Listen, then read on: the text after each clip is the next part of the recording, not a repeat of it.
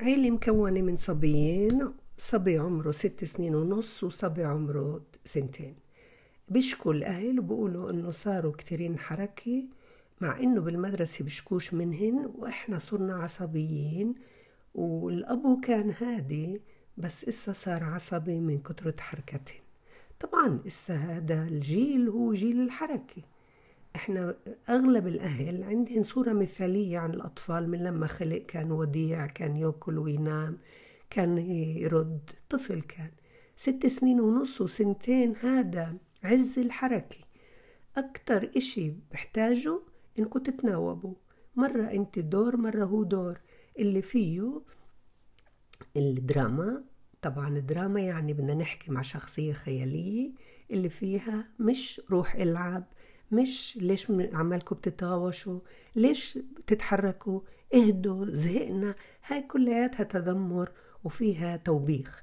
بدك توفروا لهم بيئة مثيرة. ابن الست سنين ونص. البيئة المثيرة تبعته مختلفة عن ابن السنتين. ابن السنتين بعده محدود. أما ابن الست سنين ونص ممكن يفوتوا على نادي رياضي ممكن يفوتوا على نادي كمان اللي فيه مواهب هوايات. لأنه ست سنين ونص بيقدر نوفر له بيئة مثيرة جسمانية يعني أنشطة حركية ورياضة وممكن كمان إنه عنده هوايات اللي فيها إنه يطورها الهوايات تبعته بعزف غناء ممكن كمان تمثيل حركات إيقاعية مع موسيقى. هذا لازم يتوفر له للصبي ويكون يحبه عنده شغف معه.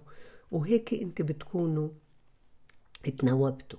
ابن السنتين بيكون مع أبوه أبوه بيعمل كمان معه أنشطة كمان أنشطة حركية كتير بحاجة لأنشطة حركية ممكن التنين مع بعض أنشطة حركية بحديقة عامة.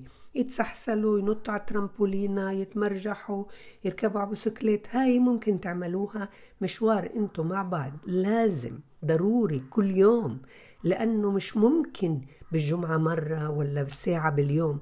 كل يوم بدهن هذا النشاط الحركي. بعد النشاط الحركي طبعا كتير مهم إنه مثل ما قلت لكم اللي فيها نوفر لهم بيئة مثيرة لعاطفتهم اللي هي قصة موسيقى غناني مسرحي ممكن كمان يركب ألعاب تفكيرية نضحك نتحذر.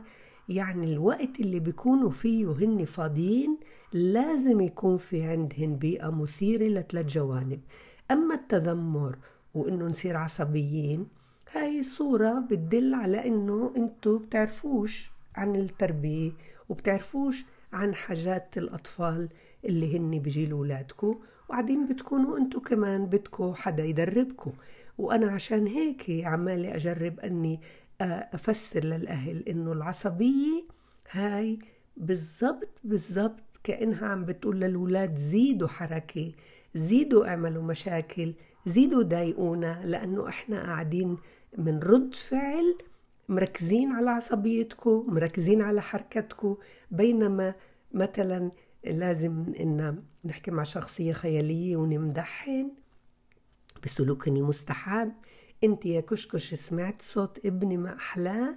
انت يا كشكش سمعتوا كيف بسرد قصة لأخوه؟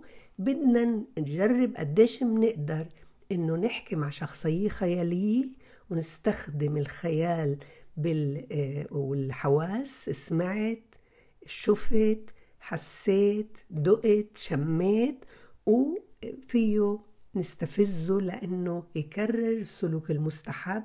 ونتجاهل السلوك الغير المستحب. كل ما تعصبنا على السلوك غير المستحب كل ما زاد يصير عادي ويصير أكتر مزعج لإلكم. كل ما تجاهلنا سلوكه غير المستحب ومدحنا وحكينا مع شخصية خيالية بدراما وقديش إحنا فرحانين فيه للولد بسلوكه المستحب بصير عادي وبصير يكرره. وهيك أنتوا بتتحدوا العصبية تبعتكم وبتحطوا بتركزوا براسكم انكم تكونوا هاديين ويوم ورا يوم أنتوا كمان بتروقوا أنتوا كمان بتصيروا مدرسة للأهالي اللي عم بتعصبنوا وبتقولوا لهم انكم جربتوا العصبية عملت مشاكل معك ومع أولادكم وحتى مع جسمكم ومع صحتكم بينما لما جاهلتوا وركزتوا على السلوك المستحب أنتوا طورتوا شخصية سوية سعيدة وإلى اللقاء.